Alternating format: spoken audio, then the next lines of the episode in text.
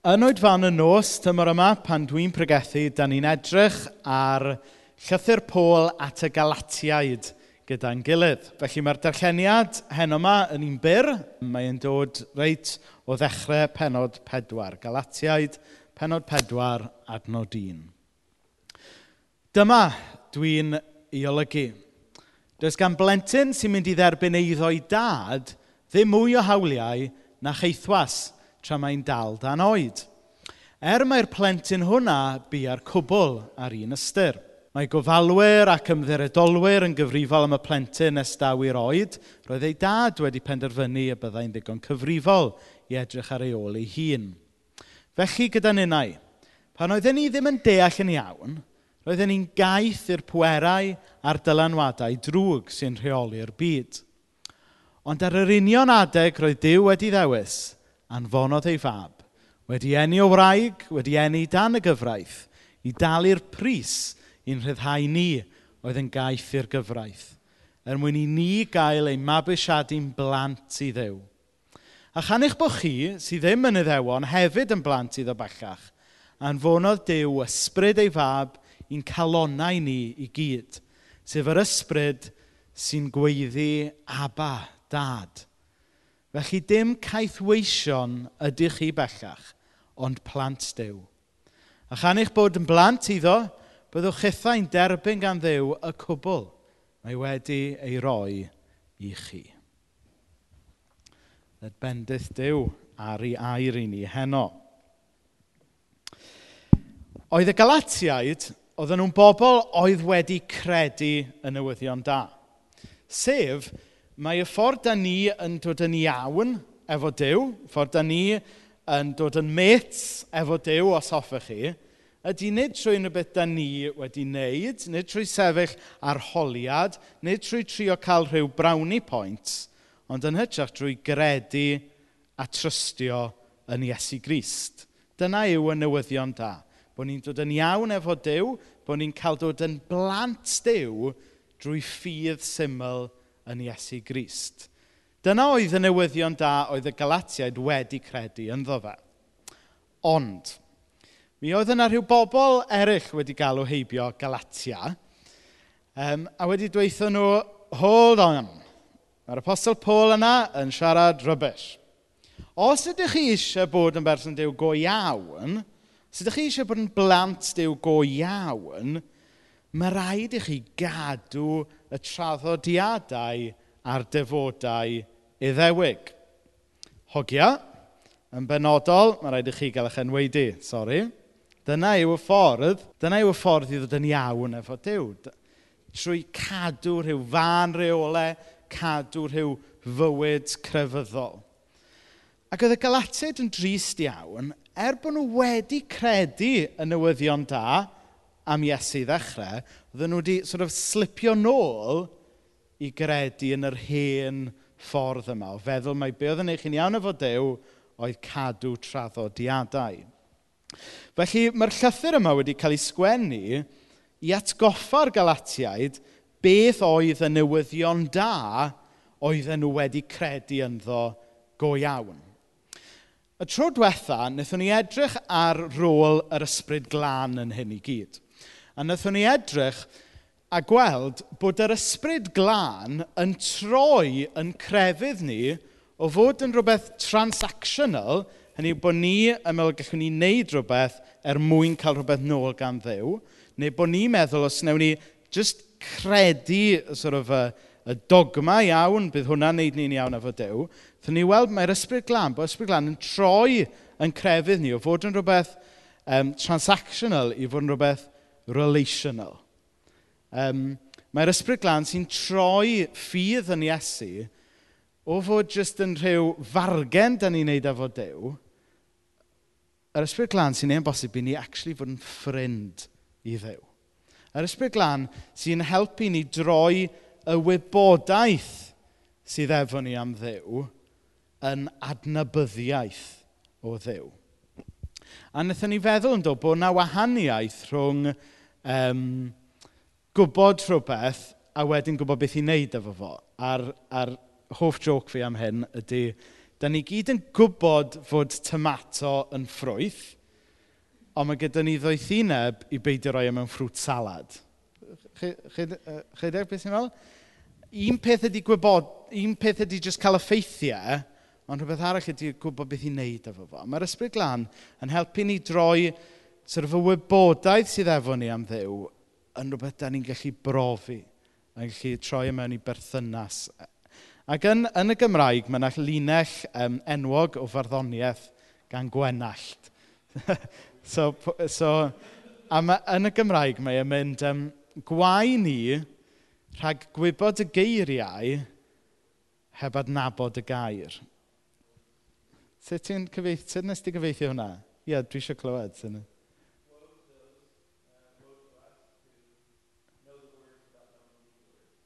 Yeah, yeah. But, but in Welsh, trust me, it sounds much better. yeah. Ar ysbryd glân, ti gwneud hwnna'n bosib, chi'n gwybod? Ti'n ti just yn, yn troi y wybodaeth yn berthynas. Achos da ni'n gallu gwybod popeth am ddiw. Da ni'n gallu gwybod y storys i gyd, da ni hyd yn oed yn gallu gwybod y pethau iawn i feddwl am ddiw. Ond adnabod Iesu yw beth sydd yn gwneud ni yn blentyn Dyw go iawn. So dyna wnaethon ni edrych yn y tro diwetha. Nawr, yr un thema sy'n parhau efo ni wythnos yma, achos dyma mae Paul yn trafod efo'r glatiaid trwy'r llythyr i gyd, sef y cwestiwn pwysig yma, pwy ydy gwir blant dew? A does dim un cwestiwn fwy pwysig i ni reslo gyda. Pwy ydy plant dew? Nawr, y broblem efo'r Galatiaid oedd bod nhw wedi mynd i gredu mae'r unig bobl oedd yn blant yw oedd yr iddewon neu sort of, pobl o genhedloedd eraill oedd yn hapus i sort of, actio bod nhw'n iddewon. Chi'n gwybod? Ond mae Paul yn dysgu'r Galatiaid fan hyn fod pawb o bob cenedl nawr yn gallu bod yn blentyn i ddew drwy ffydd yn Iesu. Ac, a dyna mae e yn yn delio gyda'r ddechrau penod pedwar fan hyn. Y thema sydd gyda ni, beth sydd tu ôl hwn, ydy'r syniad yma fod yr iddewon oedden nhw yn gaeth ar un adeg. Oedden nhw'n geithion yn yr aifft, a wedyn mae Dyw yn arwen nhw i ryddid yng ngwlad yr iddewyd, ond trwy Iesu maen nhw nawr yn gallu bod yn rhydd go iawn. Yn yr un ffordd ac oedd y Galatiaid oedd ddim o gefndir Iddewig, ond nhw falle o gefndir paganaidd, oedd nhw hefyd yn gaeth. Ond falle'n gaeth yw paganiaeth, yn gaeth i fateroliaeth, yn gaeth yn addoli uh, yr hael a'r lloer neu beth bynnag. Ond nawr, o'n nhw hefyd yn gallu bod yn rhydd trwy Iesu. A be mae Paul yn trio dysgu Galatiaid fan hyn? ydy bod yr Iddewon arfer bod yn gaeth, bod pobl o genhedloedd eraill yn gallu bod yn gaeth, ond nawr bod yr Iddewon a pobl o genhedloedd eraill i gyd yn gallu bod yn rhydd nawr, ac er bod i cefndir nhw wahanol, er bod i caethiwed nhw falle'n edrych bach o wahanol, mae'r ddau set o bobl yma nawr yn rhydd oherwydd yr un rheswm, sef Iesu. Be mae Paul yn trio cael y Galatiaid i weld yw, er bod yr Iddewon a pobl y genhedloedd eraill wedi bod ar hyd llwybrau gwahanol, mae'r llwybrau i gyd yn arwain i'r un lle, sef at Iesu Grist i hun. Nawr, pan o'n i yn um, ysgol, gwersi addysg grefyddol, ia, y wers gyntaf yn blwyddyn saith, pan o'n i'n dechrau ysgol uwchradd, y wers oedd sgwennwch lawr sawl ffordd sy'n, sydd yna i fynd i ben yr wyddfa. Dyma o'n i'n neud yn y wers. So, yn si cofio'r atebion oedd ar droed, ar y tren bach, ar y beic, meddwl rhywun, dwi'n cofio, rhedeg, cropian, a'r llwybr Llanberis, a'r llwybr Pen y Pas, beth bynnag. Hynny yw bod yna sawl ffordd i ben y mynydd. Ac wrth gwrs, y moral lesson o'r gwerth addysg grefyddol oedd bod pob crefydd yn arwain at ddew. Ond da ni fel Cresnogion ddim yn credu hynny. Da ni'n credu fod, fod pob llwyb, mae'r unig lwybr sydd yn arwain at ddew ydy trwy Iesu Grist ei hun. Iesu yw'r ffydd, y gwirionedd a'r bywyd. Ond, heno, dwi am sort of appropriatio y ddelwedd yma at, at yn diben ni. Sef, be mae Paul yn dweud wrth y Galatiaid yw fod yr iddewon a'r Galatiaid wedi bod ar lwybrau gwahanol, ond bod y llwybrau gwahanol yna nawr yn dod yn un, achos bod Iesu Grist wedi marw dros yr iddewon, pobl y cenedlaeth eraill, dros bawb. Pob cenedl, fod pob unigolyn wedi dilyn llwybrau gwahanol, ond i fynd y filltir ola tuag at yn tad yn nefoedd, bod rhaid i llwybr pawb ddod at ei gilydd, am yr llwybr yna o'r droed Iesu Grist. Ac o'n i'n trio meddwl, to, be ydy oblygiadau hyn i ni? A un ffordd yw i ni, bod fi'n ohono ni, fod yn sensitif am y llwybrau gwahanol mae Dyw wedi bod â ni ar hyddo fe. Digwydd bod bore yma oedd gyda ni sort of living example gyda Tora a Neris. chyfod. Oedd, oedd, oedd yr hyn a Tora a Neris rannu yn hyfryd. Ond oedd e wahanol yn doedd. Oedd stori wahanol gan y ddwy ohonyn nhw. Oedd profiadau gwahanol wedi bod gyda Tora a Neris. Oedd, oedd taith bywyd wedi mynd â chi lefydd gwahanol. Oedd Dyw wedi ymwneud â chi mewn ffordd wahanol. Ond crucially, beth bynnag am lwybra'ch bywyd chi, ar y pwynt yma, oedd y ddwy ohonoch chi wedi dod at draed Iesu Grist. A dwi'n edrych o gwmpas stafell yma, dwi'n adnabod ti hanner ohonoch chi. a, a dwi'n gwybod to, mae yna rai bobl yma sydd wedi, sydd wedi dod i brofi Iesu Grist mewn amser o lawenydd, felly bod eich profiad cyntaf chi o Iesu Grist wedi bod yn un euphoric. Ond dwi'n gwybod bod rhai ohonoch chi, falle mae rhyw brofiad anodd mewn bywyd sydd wedi arwain chi at Iesu Grist. A dyw e ddim fel bod un o'r profiadau yna yn well neu'n fwy legitimate na'i gilydd. Dyna yw eich profiad chi. Ond crucially, mae'r beth i chi wedi dod ato fe sy'n allweddol. So, so er bod yna werth yn y daith i hun, y destination mae Paul yn dweud sy'n bwysig. So mae'r iddewon a'r cenhedloedd wedi bod ar lwybrau gwahanol, ond mae llwybrau nhw yn mynd tuag at Iesu Grist. A dwi'n meddwl bod hwn yn bwysig iawn wrth bod ni fel eglwys yn trio meddwl am yn cenhadaeth a sut i ni yn arwain pobl at Iesu Grist. Achos mae e'n hawdd i ni fod yn fformiwleic ynglyn â sut da ni'n cyflwyno pobl i Iesu Grist, meddwl mai dyma sut dyle fe edrych, chi'n gwybod. So, na roi cwbl enghreifftiau i chi. So, pan o'n i yn, um, pan o'n i'n fach, be oedd yn bwysig iawn i fi yn yn haith ffydd, oedd cael mynd i wersyll chrysnogol yn y bala. Um, a dwi'n gwybod fod yna tipyn o pobl ifanc o fan hyn yn mynd i coleg y bala, haf yma a stwff. A dwi'n cofio oedd, er mor ffantastig oedd y gwersyll yna, oedd yna rhyw fformula, ti kind of, erbyn rhyw bwynt yn yr wythnos, y disgwyl bod ti wedi wneud rhyw benderfyniad ynglyn â sut, to, os o ti'n credu neu beidio. A wedyn, tyfod, erbyn diwedd yr wythnos, ie, yeah, o ti yn penderfynu, o ti'n mynd i ddilyn Iesu, wedyn o ti'n mynd adre, dysadwn, wedyn trwy di sil, o ti'n darllen y Beibl a dim byd arall, a wedyn o ti'n mynd, i ddarllen y Beibl am y blwyddyn, a wedyn blwyddyn wedyn, ti'n nôl yn yr un gwersyll, so ti'n dechrau'r dechrau, o'r dechrau, tyfod. Oedd y fformulad torri lawr hwla, Ac os ydych chi'n meddwl am rhywbeth fel y cwrs alfa dyn ni'n rhedeg, mae yna rhyw fformula gan y cwrs alfa, Chwa. Mae'r cwpl o sesiynau cyntaf yn cyflwyno chi Iesu. Wedyn i chi mynd ffwrdd ar um, benwythnos yr ysbryd glân, le mae'n kind of disgwyl i chi ddod yn gristion ar y pwynt yna. A wedyn mae ail hanner y cwrs yn helpu chi fyw fel cristion. A mae yna rhyw fformula yn hwnna. A mae'r ddau beth yna er bod fi wedi siarad yn eitha dyrmygus ohonyn nhw, fe ddeis i'n gristion mewn gwersyll grisnogol, fe ddath yng ngwraig i'n gristion ar gwrs alfa. Felly, to, maen nhw'n bethau gwerthfawr. Ond yn yr un ffordd, mae genna i ddegau o ffrindiau fi oedd i'r un gwersyll grisnogol a sydd ddim wedi credu. A mae genna i nifer o ffrindiau sydd wedi wneud y cwrs alfa na ddim wedi credu. A gyda rhai ohonyn nhw, Dwi'n meddwl mai actually ddim gwrthod Iesu fel y cyfryw maen nhw wedi wneud, ond jyst gwrthod y rŵt penodol yna at Iesu. Di hwnna'n neud sens?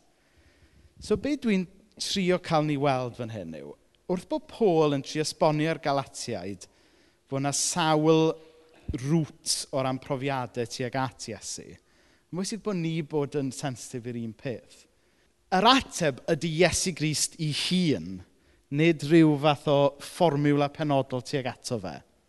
Hynny yw, mae yna sawl llwybr mewn bywyd, ond un cyrchfan sydd, sef Iesu ei hun. Pan o'n i yn um, wneud y prawf gyrru sawl blwyddyn yn ôl, chi eisiau gweithio mas, so dwi'n 34 nawr, 17 mlynedd yn ôl. 17 mlynedd no claims. Ond, um, Pan, pan ni'n gwneud prawgyrru, oedd rhaid chi wneud three-point turn, okay? Ond, o'n nhw'n galw fe'n three-point turn, ond allwch chi gymryd fain bynnag o turns o'ch chi moyn, actually. O'ch chi'n chi cymryd, tywa, seven-point turn, ten-point turn, ond, basically, o'ch chi'n chi cymryd sawl bynnag turn o'ch chi moyn. Be oedd rhaid chi wneud, oedd troi o fod fel hyn i fod fel hyn. A mae kind of rhywun peth yn wir ynglyn â troi at Iesu. Sdim ots siwd i chi'n troi at Iesu, beth sy'n bwysig yw bod chi yn troi at Iesu. Mae yna rai pobl yn cael profiad dramatig sydyn o droi at Iesu. Mae yna rai ohonych chi oherwydd profiadau bywyd falle bod chi fwy araf a bod yna gam un, dau cam yn ôl ac yn y blaen. Ond beth sy'n bwysig yw y troi yma at Iesu. Mae Paul yn dweud bod yr iddewon wedi dilyn y llwybr yna, bod y cenhedloedd yn dilyn y llwybr yna, ond y pwynt yw bod angen i bawb yn y diwedd ddod at Iesu.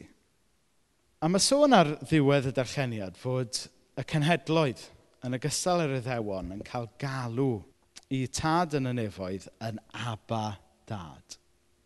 Nawr, dychmygwch fod um, gyda chi... Well, actually, sy'n rhaid ni ddychmygu. Na i ddod enghraifft go iawn. Caris. Chi'n cofio Caris? Um, Wel, gobeithio bod chi'n cofio, achos oedd hi yma tan wythnos diwetha. Caris oedd yn Brifysgol yn Bangor a mae wedi bod yn addoli gyda ni ers tair blynedd. Ac um, mae Caris yn, yn blentyn go iawn um, i arfon o Rachel. Ond mae gweddill i plant nhw wedi cael eu mabwysiadu. Ond, i chi sy'n adnabod y teulu, does dim gwahaniaeth, rili. Really. Mae arfon o Rachel yn caru um, i holl blant yr, yr, yr un peth. Mae Caris, mae Seren a Ryan sydd wedi mwsiadu, yn galw arfon yn dad, yr un ffordd mae Caris yn ei galw fe'n dad. Ac a bydd unrhyw etifeddiaeth fydd yn dod i'w rhan nhw yn cael ei rannu'n hollol deg rhwng y tri plentyn. A dyna, dyna yw'r pwynt mae Paul yn siarad o'i fan hyn. Ie, yeah, oce, okay, mae yna ma rhyw stori benodol gyda'r iddewon, a Dyw y Tad. Ond mae'r cenhedloedd nawr yn llawn blant hefyd ac yn cael yr holl etifeddiaeth hefyd. So dwi jyst am orffen drwy ddeud hyn. Beth bynnag yw taith eich bywyd chi, beth bynnag yw eich stori chi, yr hyn sy'n bwysig yw fod y stori yn y diwedd yn dod â chi at draed Iesu Grist.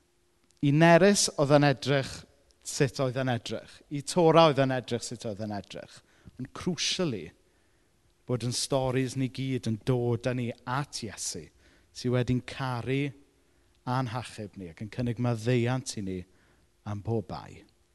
Er mwyn i enw. Amen.